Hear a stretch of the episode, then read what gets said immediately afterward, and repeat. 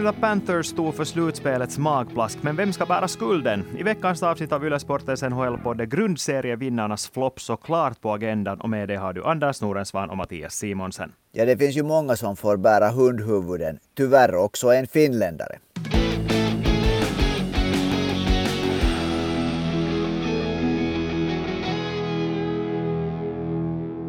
Ja, Florida Panthers var i en helt egen klass i grundserien kändes det som, emellanåt åtminstone, men efter fyra raka förluster mot de regerande mästarna är de ute ur slutspelet. Att Florida åkte ut mot just Tampa Bay är ju kanske inte en skräll, men sättet de spelar gör ju att vi måste tala om en flopp. Definitivt. Och om man tar bakgrunden att förra året slog Tampa Bay ut Florida med 4-2. Många tyckte, inkluderande mig själv, att det var hela slutspelets bästa serie. Och så tänkte man att okej, okay, att nu är Florida ett år äldre, ett år mer erfaret. De har funderat på hur man ska slå Tampa i ett år nu är de liksom mer färdiga. Men det som jag inte åtminstone hade tagit i beräkning att Tampa Bay hade tänkt att hur gör vi den här processen kortare? det, det hade gått precis åt andra hållet. Tampa Bay visste hur man skulle spela mot Florida.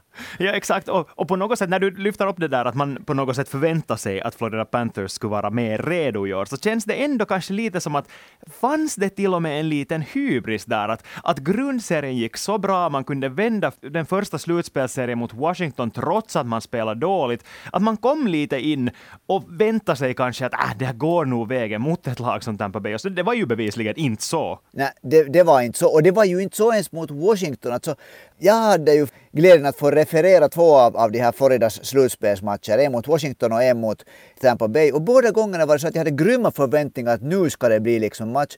Och båda gångerna var det också att helt när börjar den här matchen? När börjar Florida spela? De förlorar båda de här matcherna. Det var typ symptomatiskt för hela Panthers slutspel. Det börjar aldrig det är ju lite så, och då måste vi gå in på den stora frågan. Vems fel är det att det gick så här? Jag har fyra ben som jag har listat här, som jag tänker börja med. Det kanske det ändå självklara valet, och det är tränaren Andrew Brunett, som bevisligen inte visste vad han höll på med. Hade aldrig någon aning om hur han skulle matcha kedjorna mot Washington Capitals. På något sätt gick det ändå vägen. Mot Tampa Bay, helt ute och cykla hela tiden kändes det som när han bytte de här kedjeformationerna inne i matchen också, gång på gång på gång igen han var inte rätt man att lotsa Florida i slutspelet. Och här var det ju också egentligen någonting som man borde ha, och många borde ha förstått under grundserien. För inte var det ju, inte var det ju liksom ett sunt sätt som Florida vann en stor del av sina matcher. Att de låg under, de kunde ligga under med fyra mål och sen i grundserien när det är annorlunda spel så kunde de med en grym spurt och individuell skicklighet och liksom målkarusell komma upp och vinna matcher. Men det där, egentligen så borde väl nog det här alarmet ha, ha liksom gått av. Jo, det är ju kanske ändå därför som jag lyfter upp honom, för det är ju tränaren som ska få spelarna att inse det här att okej, okay, vi, vi hade turen på vår sida, vi lyckades vända de här matcherna, men nu är det slutspel. Det kommer att se helt annorlunda ut. Nu är det faktiskt så att man måste spela med hela hjärtat, med hela sin själ och på något sätt ge allt för laget. Och det syntes inte i Florida, inte överhuvudtaget. Nej, på ett sätt är det ju idiotiskt att högt betalda NHL-proffs som har spelat i hockey hela sitt liv, att någon måste berätta för dem att nu är det slutspel, nu måste ni liksom ge allt. Det borde ju liksom växa inifrån laget. Här tror jag faktiskt till exempel ett lag som Tampa så tror jag John Cooper aldrig behöver, se, liksom aldrig behöver ens fundera på den här delen. Inte i alla fall efter den där snöpliga förlusten mot Columbus Blue Jackets för tre år sedan. Men just det här att Brunett inte lyckades på något sätt skapa ett lag. Och när jag liksom tänker så här enkelt att bara med att ändra coach så skulle Florida ha, ha gått vidare från den här matchserien. Mm. Och innan vi går vidare till det där, de där spelarna och deras ansvar, så har vi fått in en jätteintressant fråga gällande just Brunett av Kasper. Han undrar, borde Florida ha tagit in en mer erfaren tränare redan då Joel Kenneville fick gå? För med facit på hand är svaret ju jo, men samtidigt i stunden kändes det ju som rätt beslut. No, ska vi säga, jag var lite överraskad över att Brunett for. Jag tänkte att det här blir en sån här liksom övergångsperiod, att de har nu en sån värdefull spelartrupp och så mycket liksom investerat i att nu ska det gå vägen. Att, att hur vågar man sen gå med en sån här, på det sättet ung och oerfaren coach. Men så kan man fråga, det var på hösten så fanns det egentligen inte ännu sådana här riktigt intressanta coachnamn heller liksom lediga på något sätt förstår jag ändå logiken i att man tänker så att okej, okay, att nu har Joe Kenneville fått inkört en ny, ett nytt system, en ny kultur i laget och att det här bevisligen håller på att gå framåt hela tiden. Så man litar på det att, det att Andrew Brunette har varit en del av det här ekosystemet som Joe Kenneville har byggt upp, som ser ut att vara väldigt framgångsrikt. Så såklart ska han få fortsätta i så fall, eller åtminstone få chansen. Och i grundserien gick du vägen, men nu fick vi bevis på att i slutspelet håller han inte måttet. Och då får man väl konstatera att det här ska vara punkten för hans chefstränarkarriär, åtminstone för stunden. Men då är det kanske skäl också att lite fundera bakåt. Jo, Joel Kenneville fick liksom på ett sätt ett system som fungerar för Florida att rulla, rulla på. Men vi ska komma ihåg att Joel Kenneville fick gå från Chicago för att där tyckte man att hans liksom tid var över. Att han är ju åtminstone enligt till exempel Kimmo Timonen som ju har spelat för Joel Kenneville när de vann Stanley Cup så sa han att Joel Kennevilles kommunikation med laget var mest liksom det här att han sa att let's go boys. Och det där, om man tänker på John Cooper så John Cooper är ju urtypen av en sån här kille som har alla detaljer. Liksom han finslipar sitt lag hur de ska spela helt enligt liksom behovet alltid. Men nu när det, det liksom tränarbytesveckor så jag har ett B som jag skulle vilja slänga in hit och det, det är inte ja. ett efternamn utan det är ett förnamn och det börjar med Barry, eller ett namn som börjar med Barry och det är Barry Trotz och jag säger att nu, vad det än kräver så borde Florida skaffa Barry Trotz dit för om de gör det så lyfter Alexander Barkov Stanley Cup-pokalen om ett år.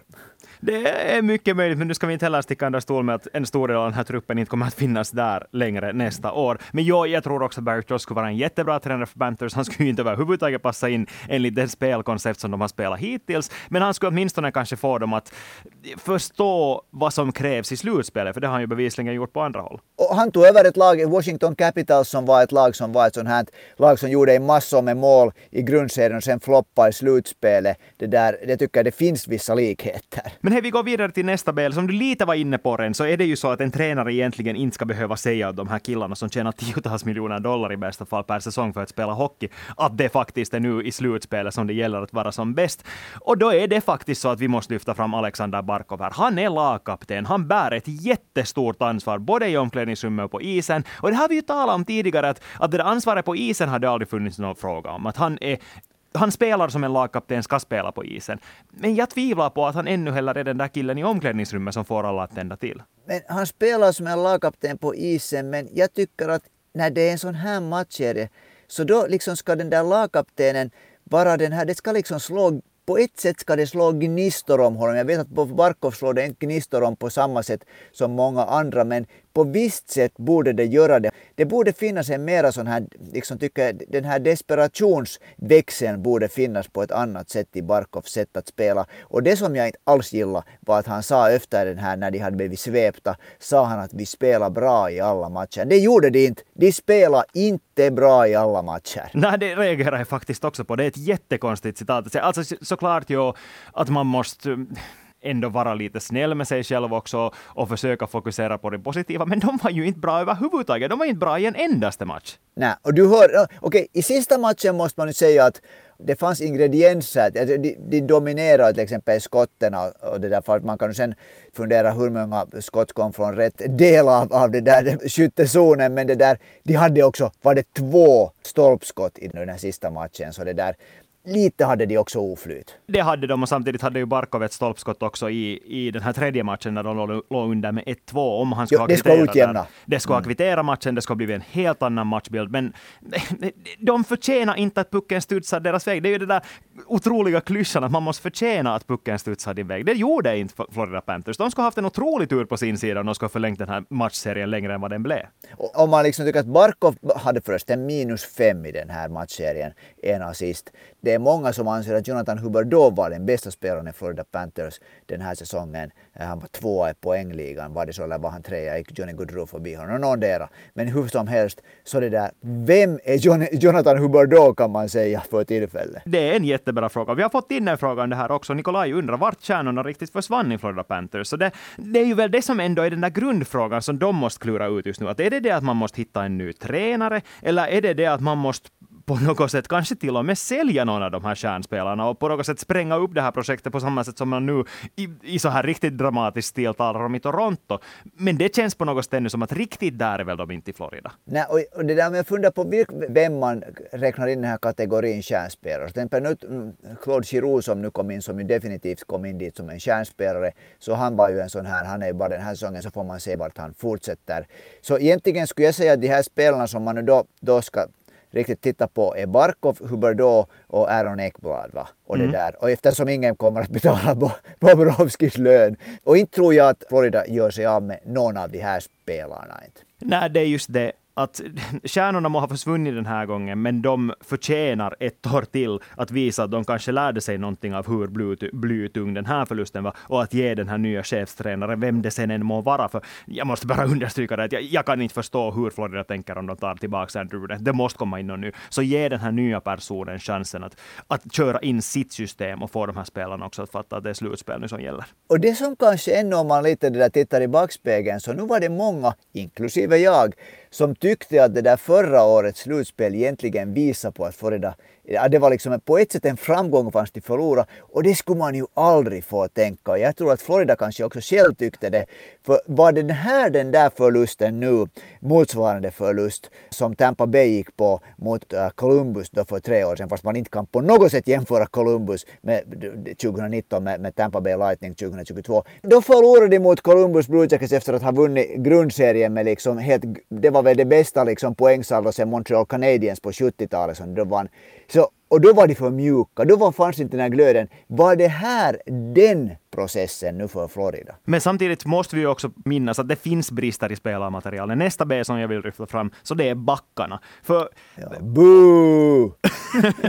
Ett till B. Nej, men alltså om man jämför Floridas backar med Tampa Bays backar, så det var en alldeles otrolig nivåskillnad. Att Florida har på något sätt, tycker jag att det blev klart att de backarna som i Florida är mer så utpräglat offensiva, så de kan inte försvara. Nu tittar jag närmast på Gustav Forsling. Och om vi tittar på sådana backar i Florida som är utpräglat defensiva, så de kan inte göra någonting offensivt sett. Till exempel Radko Gudas, han var ju helt osynlig alltid när han hade pucken. Eller ska vi säga så att han tappade den alltid när han fick den. Och Ben Chirot som, som träddes in för att han skulle vara en defensiv klippa så var nog kanske inte heller övertygande. Du säger Gustav Forslind, den backen som jag allra mest vill skälla på är det där uh, Mackenzie Weegar. Det var till och med snack om att Mackenzie Weegar skulle kunna platsa i en sån här trupp för Kanadas OS-lag då när det liksom man tar ut det bästa laget.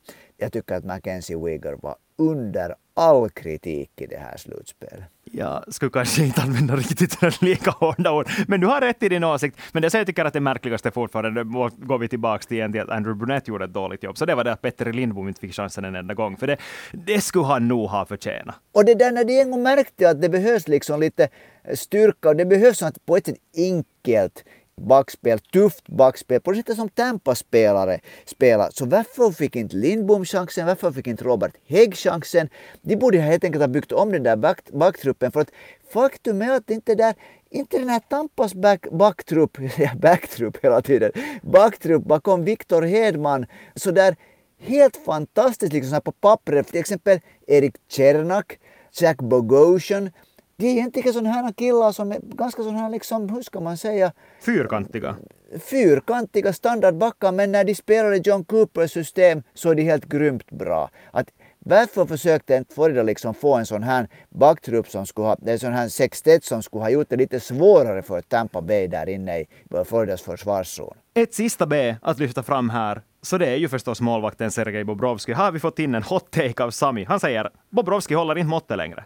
Är det så? No, åtminstone håller han inte måttet om man betar honom med Andrei Vasilevski. Sen är frågan vem gör det. Jag tycker man inte egentligen nu, att Bobrovski hör inte tycka till de spelarna som man ska rikta sig att, att, att det berodde på, på Bobrovski att det inte gick vidare. Men alltså, nu, inte... nu förlorar han ju målvaktskampen helt klart. Det måste det man gjorde han. säga. Det gjorde han. Det gjorde han. Men då är det en målvakt som är nu i sju sådana här matcher när, när det har varit avgörande på spel i slutspel har han släppt in ett mål på sju matcher, André Vasilevski. Så det, det, är nog en, det är nog en tuff, tuff kille att vinna i en, i en kamp. Det är sant, men samtidigt på något sätt känner jag fortfarande på Borowski. Ja, det är helt enkelt så att han drar ner det där lagets nivå på grund av det att han inte spelar upp till den lön han får. Han tar, äter upp en enorm del av lönetaket med sin enorma lön och han spelar inte som en spelare som ska få så där mycket pengar. Det är ett problem som man måste diskutera. Ja, och det är kanske just, det är kanske på något sätt mer den här inställningen som kommer där. Att vi har en så här dyr kille här och han kan spela. Det, det är på något sätt är någonting som tycker jag präglar kanske just det här att i Florida det här, ja man kan inte kalla honom för fripassagerare men lite sån här lyxpassagerare. Att varför är han en sån lyxpassagerare? Att vad har han liksom, okej okay, han har vunnit två Vesina-pris, han har aldrig gjort någonting speciellt bra i slutspelet.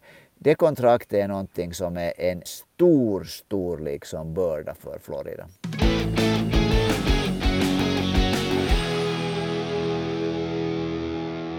Tampa Bay Lightning kommer alltså att spela konferensfinal också i år, men det står fortfarande oklart vem de kommer att möta där. Carolina Hurricanes leder just nu när vi bandar in det här avsnittet med 2-1 i matcher mot New York Rangers, men kan fortfarande inte vinna på bortais. Det är helt otroligt. Ja, det är verkligen, no, så finns det som säger, det är därför man spelar för att få den där hemmafavören i, det där i, i slutspelet. Så att man kan, man kan gå vidare genom att vinna alla hemmamatcher. Men i något skede så måste de ju vinna en match borta. Och det där, den här matchen som du kommenterar på natten mellan söndag och måndag så det där, äh, där kan man nog säga att Carolina skulle ha kunnat ta en sån här arbetsseger i den matchen. Det skulle de absolut. Jag tycker att det såg helt annorlunda ut än om man jämför med till exempel hur Carolina spelade efter...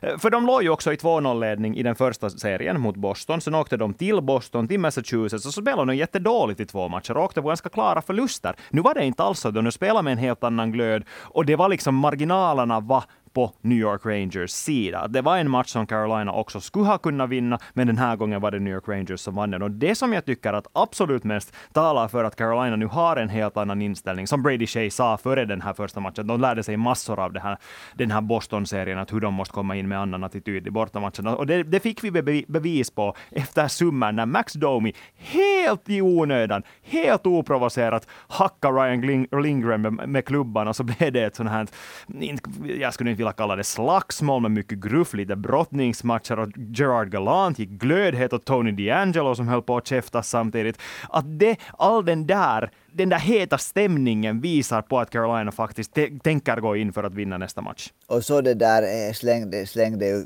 Galant inte ens så speciellt täckt hot där vid presskonferensen vad han sa att det där att att om det är så här de vill spela så har vi killar som kan liksom spela på samma sätt. Att vi har inte hittills gjort det och det där. Då menar han såklart främst då eh, Ryan Reeves. Jag hörde det där en sån här analys nu om det här. Allt ska ju alltid analyseras och det var, det var NHL, NHLs egen eh, analytiker Bill Lindsey när han blev tillfrågad att, det där, att vem vinner på en sån här, den här grejen, liksom att det blir sån här, så mm. sa han, det var hans åsikt, att det är New York Rangers som vinner på det här. Jag vet inte riktigt om det faktiskt är så, för jag tror att det här mer än någonting just, som jag redan sa, tyder på att Carolina spelar med en helt annan intensitet än vad de gjorde mot Boston på bortais. Men sen också det att, att Tony DeAngelo lite kanske lyckas krypa in, krypa in under huden på de här Rangers-spelarna kanske blir ett sånt här lite för stort fokus. För åskådarna är han ju redan. Fansen buar ju varje gång han touchar pucken. Men att också spelarna ska börja fokusera på att hej, hej, att vi, nu minns vi liksom att hur skit du var när du spelade på oss, hur skit kille du är, att vad, vad du riktigt gjorde åt Alexander Georgiev. Och att de sen börjar fokusera på för mycket på honom. Och just det där att man matchar den här fjärde kedjan. Inte för att den nu är jättedålig heller, men med just Ryan Reeves och, och de där att de skulle få större ansvar och få lite, ska vi säga, klappar på axeln och tacklar någon lite sent. Men, men nu ska vi också samtidigt inte sticka under stol med att nu har ju Rangers spelat fullt tidigare också. Jacob Truba tacklade ju Sidney Crosby i huvudet. Ja, alltså, och det bra att du tog fram för det här, för jag har gått och, jag har liksom gått och svurit över det här länge. För det var sån här att jag har nu hört många säga att nej, det var liksom ett misstag och sådär. Och jag har liksom kikat på den där grejen och jag påstår att det inte var ett misstag. Och när man ser på Jake, Jacob Trubas historia så han är ju specialist på den här höga tacklingen i huvudet. Hur många gånger har han inte gjort det? Jo, och jag skulle säga så här att han kanske inte menar att tackla, men när han insåg att han är i linje att kollidera med Crosby så gjorde han inte någonting för att undvika att armbåga honom i huvudet. Om vi säger så. Och jag håller helt med det som Mike Sullivan sa efteråt. När han fick frågan på presskonferensen vad han tycker om tacklingen så var hans svar ju sådär att, att såg du tacklingen? Då tycker mm. du antagligen lika som jag. För alla, alla är ju överens om, förutom Rangers-fansen, om att det var en full tackling. Ja, och, och de som det där delar ut sådana här um, straff i NHL, men det är nu sin egen kategori. Det där orkar jag inte diskutera. Det där. Men, alltså, men, om, men om Carolina, så tycker jag det som talar så hemskt mycket för Carolina, att de har ju gått igenom den här processen. Om man tänker att Carolina är nu för fjärde gången i sträck i slutspel och för fjärde gången i sträck har de gått vidare från första omgången, en gång varit i konferensfinal. Så det tycker jag, Carolina är ett sånt här lag som, jag, som det där, de säger att de lär sig hela tiden. Men det är ett tufft lag. De har en enorm, ett enormt starkt psyke som grupp liksom. Och så har de en tränare som är enormt stark också. Både fysiskt och psykiskt. Det, ja. alltså, det stämmer faktiskt. För att jag tycker att av alla lag som finns kvar så känns Carolina som det mest sammansvetsade och att de alla faktiskt gör sitt yttersta för att spela för det där kollektiva laget. Men det som saknas, framförallt i den här serien mot Rangers, så det är nog avslutarna. Den här sista kliniska touchen har inte funnits där. Och det har vi ju talat om tidigare, att det är Carolinas kanske största enskilda liksom, brist att de har inte en sån här naturlig stor mål, sån här målskytt som bara liksom pangar in de där skotten. Sådär som, sådär som till Steven Stamkos om jag nu ska ta ett exempel, det finns många andra. Alltså, visst, visst det där, Aho gör ju en jäkla massa mål men han gör det på lite sådana udda sätt helt enkelt genom att han läser spelet så bra och många styrningar så att men de, borde ju vara den killen som det där, han har ett bra skott men han har en tendens tycker jag att på något sätt gå för het och tappa fokus. Jo, men jag tycker också att han gör det på rätt sätt. Att han, när han inte får, ska vi säga, spelet med puck att fungera, så då fokuserar han mer på det fysiska. Och jag tycker att det är kanske rätt tänkt i ett slutspel. Men jag, alltså, jag håller med att det viktigare skulle vara det att istället för att köra över motståndaren skulle det vara viktigare att göra de där målen så att man vinner matcherna också. Och när han har det där, han har ett, ett verkligt bra skott. Och det har förresten Martin Neitjes också, ett bra skott. Men det, liksom, det, det skulle gälla nu så småningom för de här killarna. Liksom. Det, för faktum är att Carolina har fullgoda chanser att vinna Stanley Cup. Det är inte liksom, det är inte, ska vi inte sticka under stol med. Det är ett lag som har så mycket som talar för dem. Vi har fått en jätteintressant fråga om Carolina också. Antti Ranta har ju varit glödhet, den näst bästa räddningsprocenten i hela slutspelet. Men Tobias vill veta vad vi tror om vad som kommer att hända när Fredrik Andersen kommer tillbaka. Han är tillbaka på isen redan. Det, det dröjer inte länge tills han är i spelskick igen så länge som Antti Ranta spelar på den här nivån som han nu gör, så det där tror jag inte att Brindamore plockar ut honom.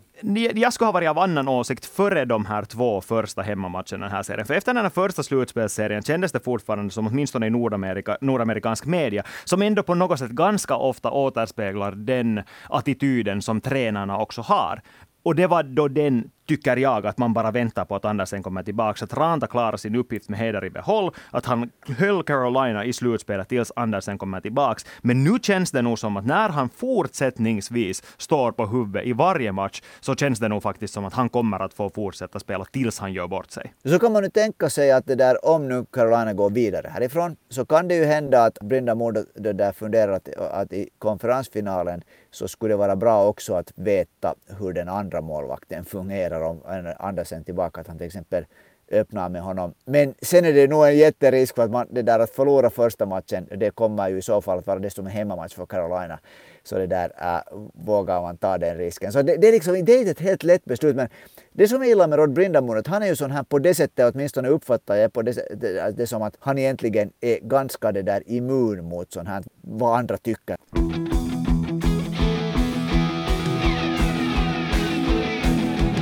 I den västra konferensen är det fortfarande öppet om vem som kommer att spela konferensfinal, men vi måste väl ändå börja med Battle of Alberta, där Edmonton just nu har fördelen på sin sida mot förhandsfavoriterna Calgary Flames. För vi såg ju fast förra veckan att Calgary Flames är förhandsfavoriter, men ändå har Edmonton lyckats göra det som inte minst Daryl Sutter var rädd för att de skulle göra. De tvingar Calgary att spela deras spel och så måste vi ju nog kalla det här en Connor McDavid-show. Nu måste vi det där, där vi talar om att, att, att, att de tvingar, så det är nästan så att man borde ha det där singularis här för det där. Vi har många gånger, jag har gjort det ofta, du har också stämt in emellan, lite kritiserat Connor McDavid för att det där att han inte får all sin skicklighet liksom att blomma ut när det gäller. Men nu måste jag ju nog säga att den här uppvisningen som Connor McDavid har stått för så här långt i slutspelet så har man ju nog inte sett maken. Ja, jag erkänner, jag har också varit en som har kritiserat honom många gånger för att han inte har varit bäst då det har betytt som mest. Men nu, det här kan nog bli slutspelet som definierar honom som spelare till och med. Det här är det där slutspelet då han insåg vad det krävs för att faktiskt räknas som världens bästa spelare. För just nu så går det inte ens att diskutera den frågan. Connor McDavid är den bästa ishockeyspelaren i världen om han fortsätter spela på samma sätt som han har gjort hittills mot Calgary Flames. För det är ju alldeles otroligt. Han förstör ju dem på egen hand. Ja, nu har han 23 poäng på 10 matcher i ishockey, NHL slutspel. Och just det här att då vet alla att det är honom man ska ta bort. Och det, det, liksom, det har funnits stora starka spelare som försöker tackla honom. Och han kan ju hålla pucken liksom i, utan att överdriva i tio sekunder inne i motståndarens försvarszon liksom, fast de hela tiden försöker antasta honom. Ja, men samtidigt måste vi också minnas att Edmonton håller på att göra någonting som kan vara ganska ohållbart i längden. Och det är det att de här stjärnorna med McDavid i spetsen spelar alldeles ohyggliga minuter just nu, medan de här lägre kedjornas knegare, bland andra Jesse Puljujärvi, i värsta fall får nöja sig med ensiffriga minuter varje match. Nu liksom räknar man så mycket för tillfället. Nu har det, åtminstone hemmamatcherna tycks de ha sen satt alla de här superhästarna som nu har producerat i samma kedja, det vill säga Dreisaitl och McDavid och också det där Evander Kane som har gjort tio mål så här långt. Så vad händer? Alltså, no, det är helt klart att om, om plötsligt McDavid skadar sig så då är det ju kört. Men just det här liksom att om nu någon kommer på någon sån här plan hur man kan liksom ändå få en spelare eller till och med två spelare att, att liksom lite inte kunna avgöra så då är det ju nog helt, helt ute på sjufamnars vatten än en gång. Mm. Här har Kristoffer skickat in en ganska intressant fråga också. Är det så att Edmonton nu har spelat in sig till att höra till Stanley Cup-favoriterna till och med? De har fått ett av NHLs bästa försvar i brygga. Men det där tror jag ju inte just på grund av det som vi snackade om, att det kommer sådana lag emot som du inte vinner med att en, en det där spelare är överdådig. Nej, jag håller med dig till 100 procent. För de här, en sån lagmaskin som till exempel Colorado Avalanche antagligen kommer att vara i kon konferensfinalen, för nu ser det ju ut som att det är Avalanche som kommer att gå där. Så om du har en Connor McDavid som redan färdigt har spelat över 20 minuter per match i två tunga slutspelsserier, så att komma in ännu och göra det mot ett topplag som Colorado Avalanche, det känns nog för mycket begärt. Och det som jag nu kanske ännu skulle säga att, att nu är det ju fullständigt klart att det där vad har Vahamone, Calgary och Sattar och Calgary, Calgary liksom spelarna funderar nu inför den här förande matchen och det är ju att så krasst som det låter så vi måste köra över McDavid. Som sagt ser Colorado Avalanche alltså ut att gå till konferensfinal. Leder just nu med 3-1 i matchen mot St. Louis Blues. Ett St. Louis Blues som är ursinniga på Nasem Kadri. En Nasem Kadri som körde över Jordan Binnington och så till att han inte kan spela mer i den här serien åtminstone. Men de, alltså, man kommer inte förbi det att de riktar den här energin på fel sätt. Att, att det att David Perron försöker tackla honom i huvudet när han firar ett mål, det är bara inte bra. Det tyder på att Blues faktiskt håller på att ge upp den. Ja, den här, den här 3-1, att de nu, de nu leder med 3-1 så det där, jeps, det är nog det där, det blir nog svårt. Det blir nog svårt för Colorado var ju lite i gungning tycker jag på ett sätt här. Blues hade dem lite i, i gungning men det där, nu är det nog, den gungningen är nog över nu. Och det här är ju någonting som vi har talat om lite tidigare, att behöver man en råtta i laget för att gå långt i slutspel. Och Nassim Kadri verkar ju verkligen ha kommit under huden på St. Louis Blues. För, men det känns ju som att de har tappat konceptet och det är ju någonting som risken kanske fanns för att de skulle göra med tanke på att deras miniminivå den här säsongen har varit ganska mycket lägre än vad Colorado Avalanche miniminivå har varit. Och man visste att de hela tiden har presterat på topp ända fram till nu och nu när Colorado tvingar dem att sänka sin nivå så går det genast snett för dem.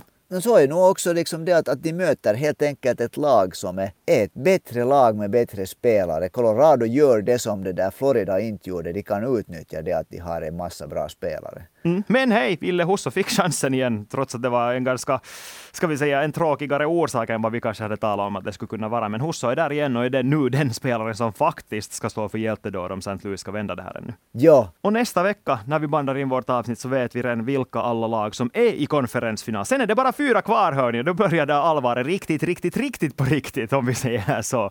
Men hej, om du har en fråga eller en åsikt eller ett ställningstagande eller vad som helst, så skicka in det på Ylesportens Instagram eller per mail till svenskasporten.yle.fi. Där hittar vi allt. Vi är tillbaka igen nästa vecka. Tack och hej! Ha det riktigt, riktigt bra. Hej då!